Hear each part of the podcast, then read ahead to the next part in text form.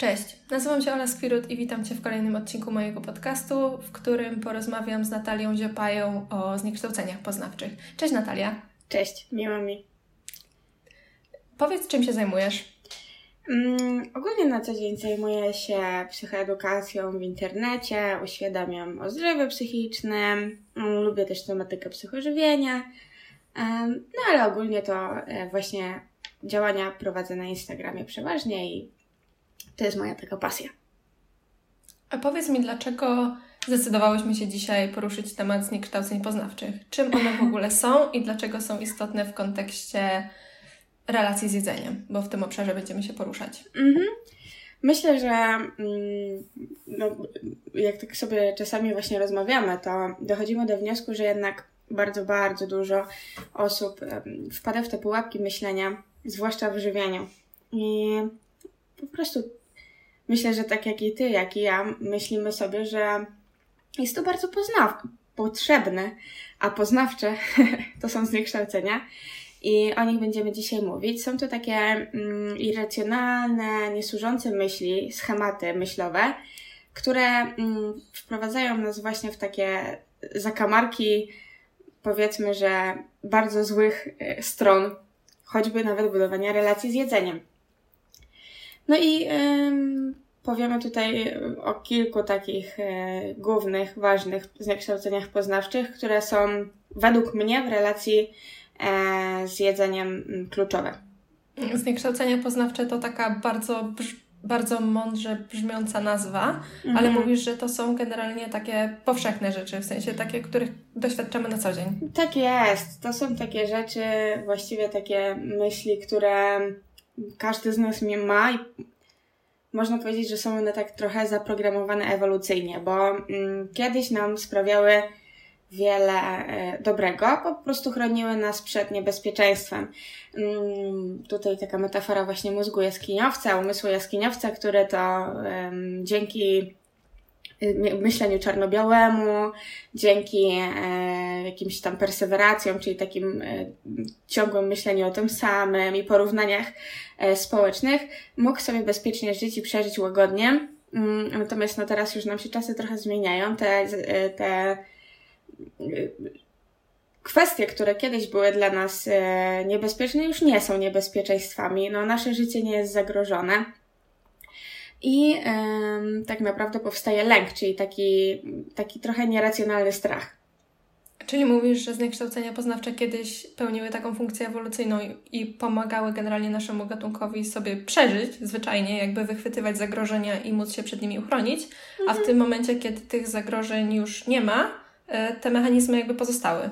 Tak jest. No, myślę, że może nawet dla nich to nie było zniekształcenie poznawcze, tylko po prostu adaptacyjne funkcje myślowe. A teraz no, zrobiło nam się to, że y, te emocje biorą górę, te automatyzmy przejmują jakby sterowanie, też zwłaszcza jak jeżeli nie mamy zasobów, jesteśmy zmęczeni, to łatwiej nam o ten system kierujący takiego autopilota. No ale da się coś z tym robić, prawda? To jest jak zupełnie mm, można to zmienić. Nie można się tego pozbyć, bo każdy z nas to ma i każdy najprawdopodobniej będzie miał, to też jest adaptacyjne w pewnym sensie, to też nas chroni. No ale też może stworzyć nam wiele problemów, takich właśnie e, choćby w relacjach z jedzeniem. Czyli można tak jakby zmniejszać lub zwiększać nasilenie tego, doświadczenie tego i przede wszystkim to, co my z tym robimy, bo to, że takie zniekształcenie się pojawi, to jedno, a to jak my zareagujemy, to to coś innego zupełnie. Tak jest. E, myślę, że nawet nie coś z tym robimy, tylko e, możemy być po prostu tego świadomi, a w zniekształceniach poznawczych i w błędach myślowych ta świadomość jest mm, kluczowa, choć oczywiście nie chroni nas przed popełnianiem tych błędów, prawda? Pewnie. Masz jakieś konkretne błędy poznawcze, o których chciałabyś porozmawiać? Mhm. Myślę, że takim głównym błędem poznawczym, zniekształceniem poznawczym, który jest widoczny w relacjach z jedzeniem, ale nie tylko, nawet w takich naszych e, zwyczajnych e, relacjach, tylko też społecznie, apro, no po prostu zyskuje aprobatę z dnia na dzień, na przykład na Instagramie, prawda? Czyli yy, myślenie dychotomiczne, inaczej zwane myślenie czarno-białe, inaczej zwane wszystko albo nic. Czyli yy, polegające zniekształcenie na tym, że postrzegamy rzeczywistość nie na kontinuum, tylko widzimy dwa końce. Mm, no, życie takie nie jest, to chyba wiemy, prawda? Mm, albo nie jest tak, że zaświeci słońce i pada deszcz, tylko może być raz szaro, raz może mniej świecić. Tak samo jest z życiem. Mm, takim częstym zdaniem, mm, myślę, że i sformułowaniem, które ja najczęściej spotykam, to jest e, albo będę ćwiczyć pięć razy w tygodniu, albo w ogóle. Albo będę trzymała czystą michę cały tydzień, albo w ogóle nie będę trzymała, prawda? To myślę, że to jest właśnie takie kluczowe miejsce, w którym e, warto sobie zwrócić uwagę.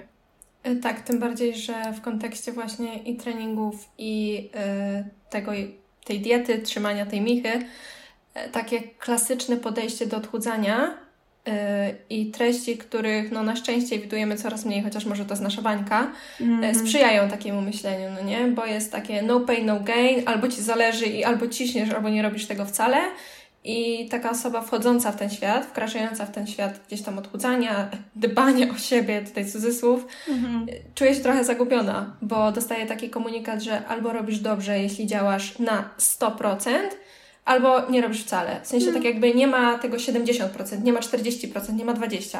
Albo, albo coś robisz, albo nie. Mhm. Dokładnie no nawet czy to only positive vibes, prawda? To też jest taki trend, znowu może nawiążę trochę do mojej działki, czyli stricte zdrowia psychicznego. Mm, życie to nie jest szereg szczęścia i smutku, to jest wachlarz emocji. Mm, tak samo jest z żywieniem. No, życie to nie jest tylko dieta, życie to także aktywność fizyczna. Mm, bardzo wiele innych struktur, które tak naprawdę wpływają na nasze zdrowie. To po prostu nie można podchodzić do życia tak e, czarno-biało, bo jest bardzo wiele cieni szarości. Tak, i zero-jedynkowo. I też mi się wydaje, że takie podejście y, leży jakby u źródła niepowodzeń takich, y, czy to takich dietetycznych na płaszczyźnie odchudzania, czy to w ogóle wprowadzenie jakichś zmian i budowania nawyków, czy czegokolwiek szczerze, bo jak długo my jesteśmy w stanie działać na te nasze 100%, w momencie, kiedy każdy dzień jest tak naprawdę inny. I nawet jeśli nie zewnętrzne czynniki decydują o tym, że te dni się różnią, jak na przykład po prostu odmienne obowiązki, e, coś nam nagle wypadnie i tak dalej, no to chociażby nasz poziom energii danego dnia. To, który, którą mamy fazę cyklu, bo to wpływa na nas kobiety i też się przełoży na to, co nam się będzie chciało, czy nam się będzie mniej chciało i tak dalej, no nie? E, I działanie, pozwolenie sobie, przyzwolenie sobie na realizowanie swojego planu na 40% w niektóre dni, na 20%, na 80% przybliża nas do tego naszego punktu końcowego. Mhm. A oczekiwanie od siebie, że każdego dnia będzie 100%, no to jest takie krótkoterminowe patrzenie. Dokładnie. I tutaj też możemy przejść od razu do kolejnego zniekształcenia poznawczego, które mm, tak naprawdę utrudnia nam to, o czym mówisz, żeby właśnie sobie zluzować, bo to inaczej tego nazwać nie można. Um, czyli katastrofizacja. Um, pomijamy aspekty życiowe, jakiekolwiek inne, niż negatywne. I my właściwie to przewidujemy katastrofę, czyli to, co teraz tu mi przychodzi, taki życiowy przykład z um, rozmów z osobami, no to um, pojadę na wakacje i na pewno się objem. Ja się będę objadać. No i dobra. Um, faktycznie tak może być, ale jaki jest procent szans tego, że, że tak będzie? Czy, czy może są jakieś inne rzeczy, które wpływają na um, udane wakacje, tak? Czy, czy może tam faktycznie nie jest e, bufet dostępny cały czas lub um, nie są tam niezdrowe rzeczy? Musimy też brać tak pod uwagę e, kilka różnych aspektów i um, nie tylko się wchłaniać w, to, w tą czarną wizję i w tą katastrofę naszą widoczną.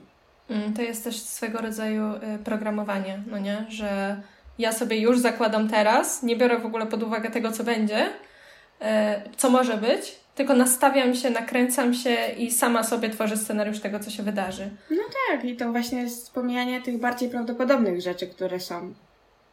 I zastanawianie się nad tym, mm, co my możemy w ogóle zrobić dla siebie w danej sytuacji, no nie? Że ja wyjadę na te wakacje, okej, okay, a skoro się obawiam na przykład, że się obiem, to czy w tym momencie mogę podjąć jakieś działania, żeby zminimalizować tego szanse? Mhm. Czyli na przykład wprowadzać sobie już produkty, na które od jakiegoś czasu mam smaka, a nie trzymać się dalej na smyczy, e, tak kolokwialnie rzecz ujmując, mhm. i doprowadzać do tego, że na tych wakacjach będzie taki takie jedno wielkie szaleństwo i jedno wielka... się z niej. Tak, tak, tak, tak, tak, dokładnie. No, wiemy, że restrykcje raczej działają w tą stronę i choć względem życia mogą być one korzystne względem takiego, że no po prostu nieprzejadania się, to warto tutaj pamiętać o wpływie psychologicznym tego, że e, właśnie te restrykcje mm, takie nadmierne mogą mm, no niestety e, prowadzić nas do jeszcze gorszej formy zdrowotnej. Mhm.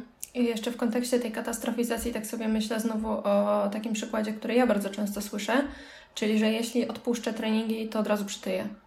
Tak, że jeśli tak. zrezygnuję z aktywności fizycznej, no to będę musiała jeść jeszcze mniej, no bo przecież teraz mobilizuję siebie tak naprawdę każdego dnia, jak tylko mogę, żeby te treningi wykonywać i utrzymywać tą masę ciała. Czyli hmm. podporządkowanie całego swojego życia pod te cele sylwetkowe, no nie? I tutaj znowu, oczywiście, że zdobywanie wiedzy w obszarze tego, czym są chociażby adaptacje metaboliczne, jak działa w ogóle przyrost tkanki tłuszczowej, że to nie jest tak, że przestaniemy ćwiczyć i nagle bum, dwa rozmiary większe będziemy w ciągu dnia. E, tylko, że to po pierwsze wymaga czasu, e, po drugie, te nasze treningi wcale nie wydatkują tak dużo energii, jak nam się wydaje. Mhm. I to mhm. też jest taki częsty mit, że e, kobietom się wydaje na przykład, że taka Taki trening w domu to jest wydatek rzędu 500 kilokalorii, podczas gdy to jest bardzo często 100, 150, maksymalnie 200. Mhm. No to też jest taki wpływ w sumie chyba tych wszystkich YouTube'owych, yy, bo tak sobie teraz kojarzę, że spal 600 kalorii w pół godziny. Tak, mm, tak. Mm-hmm. To są takie bardzo, y, no, dezinformacja się szerzy w ten sposób, bo no ja właśnie. też patrzę na te miniaturki z takim, mm, no ja wiem, że to się musi klikać, no. ale no nie oszukujmy ludzi, jakby nie kłammy. Oczywiście. Nie, nie o to chodzi. Tak jest. To, co teraz też sobie myślę, no to mm, jak sobie z tym radzić, prawda? Bo mamy tą świadomość i, i te, że no może tak nie być, że te, te nasze myśli może nie są faktami, to właśnie też przywołanie sobie tego e, do głowy umysłu jaskiniowca, który kiedyś, myśląc jednotorowo, myśląc wszystko albo nic, lub katastrofizując względem tego, że jak pójdę na to wzgórze, no to na pewno spotkam lwa, który mnie pożre. I dla niego mogły płynąć z tego korzyści, tak? Możemy sobie to zauważyć, że o, Teraz mówi mój umysł jaskiniowca. Mm, oczywiście to jest takie przyśmiewcze troszkę i mm, no, może nas to bawić, ale jak najbardziej od tych myśli też możemy się zdystansować, czyli o, ty, ciebie to śmieszy, a to prawda, e, drogi umyśle. Mm, także jak najbardziej możemy się dystansować od tych myśli i nie wchodzić z nimi w taką spójność, nie, nie wczuwać się, nie wpływać w niej, być przekonanym. I tutaj w sumie mogę też przejść do następnego mm, zniekształcenia poznawczego, czyli takiej etykiety nadanej na siebie, przyklejonej na czoło, na przykład jestem gruba. I my z tym na czole jestem gruba, chociaż to jest świetne ćwiczenie do e, defuzji, bo jak sobie bierzemy te kartki ze sobą, to widzimy, że to jest tylko na przykład czy tam na czole, czy w kieszeni e, naklejono, e, to tak naprawdę możemy się dystansować od tych myśli i sprawdzać, że to jest tylko myśli, ona jest tylko na kartce. Mm, do czego zmierzam? Do tego, że mm, tak naprawdę nasze życie ma wiele kontekstów. I to jest to, że często etykietujemy się jako nadmiernie grube lub leniwe, a tak naprawdę, jeżeli postawiłybyśmy się w sytuacji mm, wśród osób z inną wagą, większą lub mniejszą, lub o osób bardziej lub mniej pracowitych, to nie zawsze ten nasz, e, nasze przekonanie kluczowe będzie prawdą. Czyli mój ulubiony przykład, jestem wysoka, ale jak ja stanę przy tych koszykarzach, takich, którzy są profesjonalistami, to najprawdopodobniej będę niska. Czyli taki, ja jako kontekst mm, uzależniam się, y, na przykład w relacjach jedzeń, z jedzeniem może być tak, że mm, mm, no, można czuć się grubym, można czuć się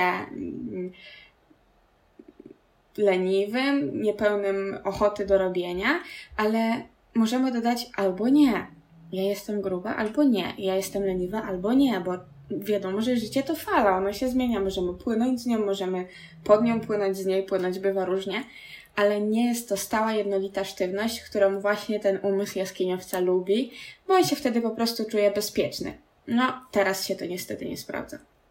Tak, bo mm, bezpiecznie jest tak jakby trzymać się jednej wersji, no nie? I wierzyć no w swoją jedną prawdę i w swoje jedno przekonanie. O, zdecydowanie się pod tym podpisuję. I tak sobie myślę jeszcze odnośnie tego etykietowania, Bardzo często mówi się o tym, żeby nie porównywać się innych, tylko porównywać się do siebie. Mhm. A ja bym tutaj dodała, że jeśli już potrzebujemy faktycznie się porównywać, to do siebie, ale z niedalekiej przeszłości. Mhm. Bo bardzo często jest też tak, że na przykład w tym momencie mamy pracę, mamy dzieci, mamy, nie wiem, studia, mamy po prostu kilka nowych rzeczy w swoim życiu, które stwarzają nam pewne obowiązki, które wymagają od nas poświęcenia y, czasu, poświęcenia energii. I my mamy do siebie na przykład pretensje, albo właśnie naklejamy sobie etykiety, że jesteśmy leniwe, że jesteśmy niezorganizowane, że nam nie zależy wystarczająco mocno, bo nie przygotowujemy sobie posiłków, albo nie ćwiczymy tak często jak kiedyś, tylko że to kiedyś to była zupełnie inna sytuacja życiowa. W sensie, że wtedy miałyśmy dużo mniej obowiązków, y, zupełnie inny, inne tak jakby okoliczności i porównywanie siebie, no co prawda do siebie, ale z zupełnie innej sytuacji, nie różni się za bardzo od porównywania się do innych osób. Mhm. A mamy tendencję do myślenia, że no kurde, skoro wtedy mogłam, no to teraz też przecież powinnam potrafić, bo kiedyś dawałam radę. Mhm. No ale było inaczej. Takim bardzo fajnym stwierdzeniem, z którym często się spotykam w świecie psychologii, to nie porównuj siebie do siebie sprzed, sprzed kryzysu, tylko do siebie z dnia wczorajszego. I myślę, że to jest klucz w każdym obszarze. Czy to jest relacja z jedzeniem, czy to jest e, zaburzenie, czy to jest e, jakiś problem, czy kryzys życiowy. Nie porównujmy swojego stanu do stanu sprzed, ponieważ no, jest to po prostu wysoce nie, nieefektywne, no i mało prognostyczne. Ale e, też wspomniałaś właśnie o tym porównywaniu się. I mm, to, co sobie myślę, no to to, że mm, faktycznie gdzieś to porównywanie się jest piętnowane bardzo w tych social mediach i ono faktycznie jest czasami niezdrowe, ale patrząc tak e, już bardziej otwarcie, no to dzięki temu porównywaniu się możemy znaleźć pewne rzeczy, na przykład choćby inspiracje, prawda? Mm, myślę, że i ja sobie myślę, i też myśli tak w sumie psychologia społeczna, że dzięki porównywaniu się możemy odnieść pewne korzyści, tylko że musimy pamiętać o tym, że jeżeli się porównujemy do lepszych, czyli w górę, to pamiętajmy też, żeby robić te porównania w dół. Czyli spoglądać na swój status nie tylko biegnąc do góry, ale spojrzeć też, że naprawdę robimy więcej, na przykład niż inni, tak? Mm, do czego ja bym zachęcała? Do tego, żeby mm, z tymi porównaniami walczyć w taki sposób, po pierwsze, odobserwujmy osoby, które są nierealistycznie piękne, szczupłe, chude, mądre itd., tak itd., tak bo faktycznie może nas to inspirować, ale tak naprawdę gdzieś tam wewnątrz siebie, jeżeli mamy problemy z poczuciem własnej wartości i z samoceną, to nam to nie będzie służyło najprawdopodobniej. Nie mówię, że wszystkim, bo na pewno znajdzie się grupa osób, gdzie, która no, lubi tak się mm, przycisnąć do ściany, ale mm, to jest właśnie mm, tym sposobem na porównywanie, to osoby, które są do nas podobne też mogą nam pomóc. Czyli e, właśnie osoby mm, z podobnymi zainteresowaniami, z podobnymi ubiorami, z podobnymi tak naprawdę statusami socjoekonomicznymi. Szukajmy wspólnoty, a nie różnic, prawda? Myślę, że to też będzie takie poczucie wspólnotowości, to jest w ogóle super też obszar w nurcie terapii opartej na współczuciu. Mm, tak, zdecydowanie się zgodzę z tym, żeby szukać osób gdzieś tam podobnych do nas, bo mamy wtedy takie poczucie, że są inni właśnie zbliżeni i sylwetkami, i upodobaniami i tak dalej. I ja mam też wrażenie, że na im więcej ciał różnorodnych się eksponujemy, chociażby w tych social mediach, no bo teraz gdzieś tam kontakt ze światem y, realnym jest troszkę obcięty w związku z pandemią, to ekspozycja i przeglądanie tych różnych sylwetek wydaje mi się, że pomaga przywoływać je, kiedy patrzymy w lustro. W sensie, że mhm. patrząc w lustro, na, nasz mózg nie przywołuje tylko tego, tego, tej jednej sylwetki, tych jednych kształtów, tylko jest pełna gama. Mhm. I dużo łatwiej sobie pomyśleć, że są mniejsze ciała, są większe ciała, są wyższe, są mniejsze, są różne pośladki, różne ramiona, różne plecy, różne brzuchy i to jest w porządku. Dokładnie. No tutaj no, niesprawiedliwe porównania to jest zniekształcenie poznawcze, jak możemy to zastąpić sprawiedliwymi porównaniami, tak? Czyli po prostu porównujmy się, jeżeli mamy taką potrzebę, albo do siebie, albo do innych, którzy są e, podobni, ale też wystawiajmy się na ekspozycję różnorodności. No bo to jest po prostu zasada czystej ekspozycji, kiedy spotykamy się z różnymi rozmiarami ciał, z różnymi kolorami skór, z dysfunkcjami ciał, Mm, z choćby nawet orientacjami seksualnymi, no to wtedy jesteśmy po prostu bardziej zaprzyjaźnieni. Po prostu lubimy bardziej to, co nam się ukazuje, choć na początku może nam się to wydawać bodźcem awersyjnym, tak? Czyli takim, który nas od, odpycha, odrzuca. Ale mm, z biegiem czasu my się przyzwyczajamy do tego i mm, faktycznie, ja na przykład mogę przywołać, e, jak oglądałam osoby, kiedy byłam jeszcze w tej kulturze diet, e, in, różniące się wagą w, w górę, tak? Czyli miały wie, większą wagę niż te, które przeważnie w kulturze diet są osoby. To ja miałam taki dysonans poznawczy, tak mnie to gdzieś odrzucało, że ja nie wiedziałam w ogóle o co ze mną chodzi. I ja z biegiem czasu zrozumiałam, że każdy ma prawo być tym, kim jest i tym, kim chce. I nikomu do tego, czy ktoś waży 150 kilo, czy 80 kilo, czy 60 kilo. I ja rozumiem, że pod, mamy potrzeby bycia prozdrowotnymi i potrzebujemy mm, bycia zdrowego społeczeństwa i, i w ogóle całej tej otoczki zdrowia, ale musimy pamiętać o tym, że szacunek należy się każdemu człowiekowi. I to możemy uzyskać właśnie poprzez promowanie różnorodności. Tak, więc ona pomaga jakby nie tylko nam, ale no generalnie wszystkim dookoła. Bo... No i myślę, że w ogóle osobom na przykład, które się mierzą z nadwagą, tak, czy z e, zbędnymi, nie, nienawidzę tego słowa zbędne kilogramy, ale z kilogramy, które nie, nie chcemy mieć, które nam nie służą, mm, bo to jest stygmatyzacja otyłości, też słowa nie, nie lubię, ale ogólnie to jest po prostu stygmatyzacja osób grubych. I mm, one, to im nie pomaga zupełnie, prawda? Ty, tylko wręcz przeciwnie. Tak, zeszłyśmy trochę z tematu, ale tak, no, myślę, no, że to ważne. Się. Tak. Pewnie, pewnie, nie dało się. E, jeszcze a propos tej katastrofalizacji, tak mi zaświtało w głowie, jak opowiadałaś, e, o tym, że eksperymenty behawioralne mogłyby być przydatne. Zdecydowanie. Czyli myślimy sobie o tym, że jak nie będę ćwiczyć trzy razy w tygodniu, to przytyję dwa kilo, tak? I przed tym się lękamy. No to warto właśnie sobie napisać dzień, datę, y, kiedy my tak myślimy i za tydzień zważyć się i zobaczyć, czy faktycznie tak jest. Mm, tutaj na pewno warto robić te eksperymenty, bo po prostu ukazuje nam, że ten umysł jaskiniowca nam czasami puka do głowy, a my nad nim w ogóle nie, nie no, słuchamy go jak, y, jakby to była prawda objawiona, a tak zupełnie nie jest. I właśnie tutaj też y, możemy się uczyć, y, dać przepłynąć tym myślom, ale tutaj dzięki eksperymentom behawioralnym mamy niezbite dowody na to, że faktycznie takie rzeczy się nie wydarzają, to co nam podpowiada nasz, nasz umysł, nasz mózg, prawda? Dokładnie, bo w moim odczuciu bardzo pomaga przekonanie się tak jakby na swoim doświadczeniu. To znaczy, no my możemy słuchać ludzi zajmujących się tym, my możemy czytać w mądrych książkach, że faktycznie tak jest, że myśli to jedno, a to, co my z nimi zrobimy, to drugie, albo że to, co nam się wydaje, właśnie to są tylko jakieś nasze przekonania i odczucia, ale to nie są fakty.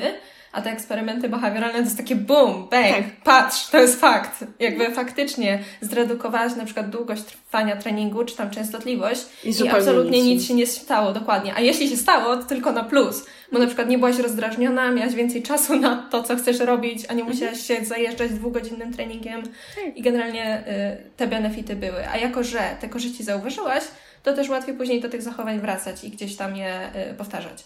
Jasne. Um to, co bym chciała tutaj dodać, no to właśnie to, że ten nasz, nasz umysł lubi wpadać w takie sztywności, które um, poniekąd kiedyś nam mogły służyć, teraz już nie do końca mogą nam służyć. Um, I um, no, przeciwieństwem tych sztywności jest elastyczność psychologiczna, którą możemy sobie normalnie ćwiczyć. To są na to ćwiczenia, E, jest na to pełen wachlarz narzędzi. Mm, no i to jest taki predyktor zdrowia psychicznego w badaniach. Więc jeżeli rozpoznajemy jakieś takie nasze sztywności, co może być wskaźnikiem tych sztywności? Ano właśnie takie czarno-białe myślenie, czy zauważenie, że muszę. I to też jest ważne zniekształcenie poznawcze, bo to jest e, nadużywanie imperatywów, które mm, powoduje w nas coś takiego, że mm, myślimy sobie, że pewne zachowania to już na, nasz po prostu przymus, powinność i one muszą w naszym życiu być. Czyli na przykład, no, te zniekształcenia się trochę zazębiają, ale muszę ćwiczyć pięć razy w tygodniu, tak? Albo powinnam teraz iść pobiegać, jeżeli zjadłam coś. Mm, I ta nasza powinność, i jak zauważamy to takie sztywności, sztywne muszę i sztywne powinienem, czy powinnam, no to mm, już tam na tę lampkę nam się musi zapalić, powinna się zapalić, czy faktycznie ja to muszę i czy powinnam. I czy e, to jest faktycznie moja wola, czy to już ten umysł jaskiniowca do nas puka, prawda? Tak, czy to jest takie podsuwanie właśnie sztywnego, automatycznego myślenia, które kiedyś nas chroniło, a teraz tak naprawdę nie jest do niczego potrzebne. Dokładnie. No bo kiedyś e, powiedzmy, że musieliśmy faktycznie iść polować, a teraz no nie za bardzo. Dokładnie, nie ma to za wiele wspólnego z rzeczywistością. Jest jeszcze jakieś zniekształcenie, o którym chciałabyś yy, porozmawiać? Tak, myślę, że ostatnie, yy, które jest może trochę mniej yy, takie oczywiste, ale bardzo ważne, czyli tłumaczenie swoich zachowań i swoich przekonań emocjonalnie. Czyli mm, jem zdrowo, ćwiczę, nikt mi nie mówi, że wyglądam niepokojąco, że jakaś jestem zmęczona, albo no po prostu, że wyglądam niezdrowo, chociaż unikam takiego, nie zachęcam do takiego mówienia, mm, ale czuję się gruba. Czyli emocjonalne wytłumaczenie naszych yy, myśli. A wiadomo, nasze emocje Mm, so, oczywiście są faktami, ale te myśli, które nam podsycają emocje, nie zawsze są e, faktami. Czyli na przykład właśnie ten lęk irracjonalny, prawda? Znaczy, nie irracjonalny lęk, ale lęk często nam podsyła irracjonalne myśli. I tutaj znowu będzie to, że mm, trzymajmy, jeżeli chcemy walczyć z tym uzasadnieniem emocjonalnym, to trzymajmy się faktów, czyli możemy sobie napisać pros and cons i z, zrozumieć, co jest za tym, że czuję się taka i taka, czuję, co jest za tym, że czuję się e, taka i taka.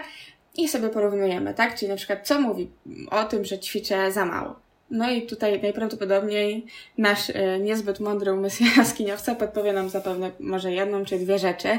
Natomiast jeżeli się trochę wysilimy i otworzymy, nie damy nam mówić naszemu układowi limbicznemu, tylko bardziej kory czołowej odpowiedzialnej za takie analityczne, logiczne myślenie, no to tych korzyści nam się wy, wy znaczy tych y, przeciw temu, że na przykład czuję się gruba, będzie nam zdecydowanie więcej, prawda?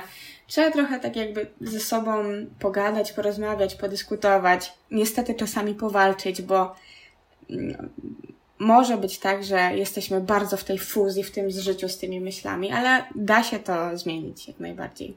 Tak, i wydaje mi się, że właśnie zapisywanie rzeczy i patrzenie na nie bardzo pomaga. Mhm. Ja sobie to wyobrażam tak, że jeśli miałabym właśnie takie przekonanie, że na przykład e, ćwiczę za mało, mhm. to miałabym tak jakby dwa pudełka i bym sobie wręcz nawet materializowała, w sensie na karteczkach bym sobie zapisywała, co przemawia za tym, że faktycznie ćwiczę za mało, a co przemawia tak jakby przeciw. Czyli jakie dowody, jakie argumenty mogłyby potwierdzać to, że ta ilość jest jak najbardziej wystarczająca, a może nawet wręcz zbyt duża, no nie? I no szukałabym w ten sposób. I też może zobaczenie tej ilości karteczek w jednym i w drugim pudełku tak. byłoby takim mm, zderzeniem z rzeczywistością. Tak, zdecydowanie przekształcenie myśli na materialność, czyli na karteczki, czy myślenie o myślach jako o przedmiocie mm, może być bardzo pomocne i jak najbardziej może pokazywać nam mm, i ilustrować, że te myśli e, takie niesłużące nam, no, mogą być mniejszością w tym naszym e, zniekształconym poznaniu, prawda?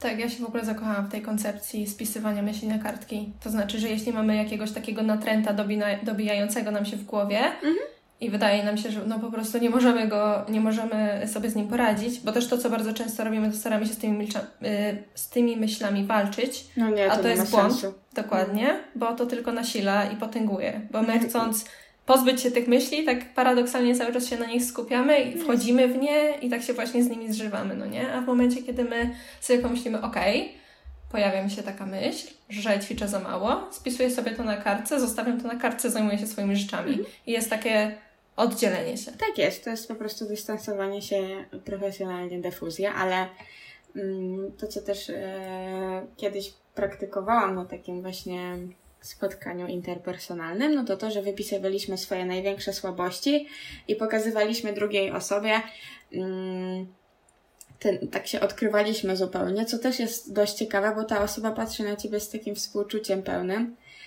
i tak sobie myślisz, o kurczę, widzisz też, ile osób sobie nakleja te łatki i że one zupełnie czasami nie mają e, przełożenia się. Mhm. Dokładnie. I to, co można też z tym robić, to właśnie brać sobie w kieszeń i chodzić z tym, zauważyć, że to jest tak jak telefon, albo jest, albo go nie ma. Mm, I nie jest to naszą wartością, bo my nie jesteśmy myślami, myśli nie są nami, ale też e, niektórym osobom pomaga przydzieranie na przykład takich kartek, czyli wypisywanie swoich etykiet, które nam e, dochodzą do głowy, takie bardzo krytyczne i po prostu podzieranie je na milion kawałków i pożegnywanie się z tymi em, myślami, e, czy palenie je. To są takie troszkę bardziej, myślę, że i duchowe, i takie, może nie duchowe, ale takie bardziej wyniosłe formy e, sobie pracy z tymi myślami, ale jak najbardziej działające i myślę, że osobom, wielu osobom mo- mogą pomóc, tak się wyżyć na takiej kartce z taką etykietą. Mm, pewnie. Bardzo Ci dziękuję za poświęcony czas i wow, w sensie ten podcast był mega, mega, mega Super. wartościowy. Bardzo mi się podobał. Mi też. Mam Cieszę nadzieję, się. że słuchaczom także i liczę na to, że uda nam się też stworzyć coś podobnego w przyszłości. E, Wszystkie linki do mediów społecznościowych Twoich zostawię w linku do, mm, w opisie tego podcastu i bardzo Ci dziękuję. Dziękuję i dziękujemy też za poświęcony czas. Miłego dnia dla Was albo wieczoru, bo nie wiem kiedy to słuchacie. Tak, do usłyszenia.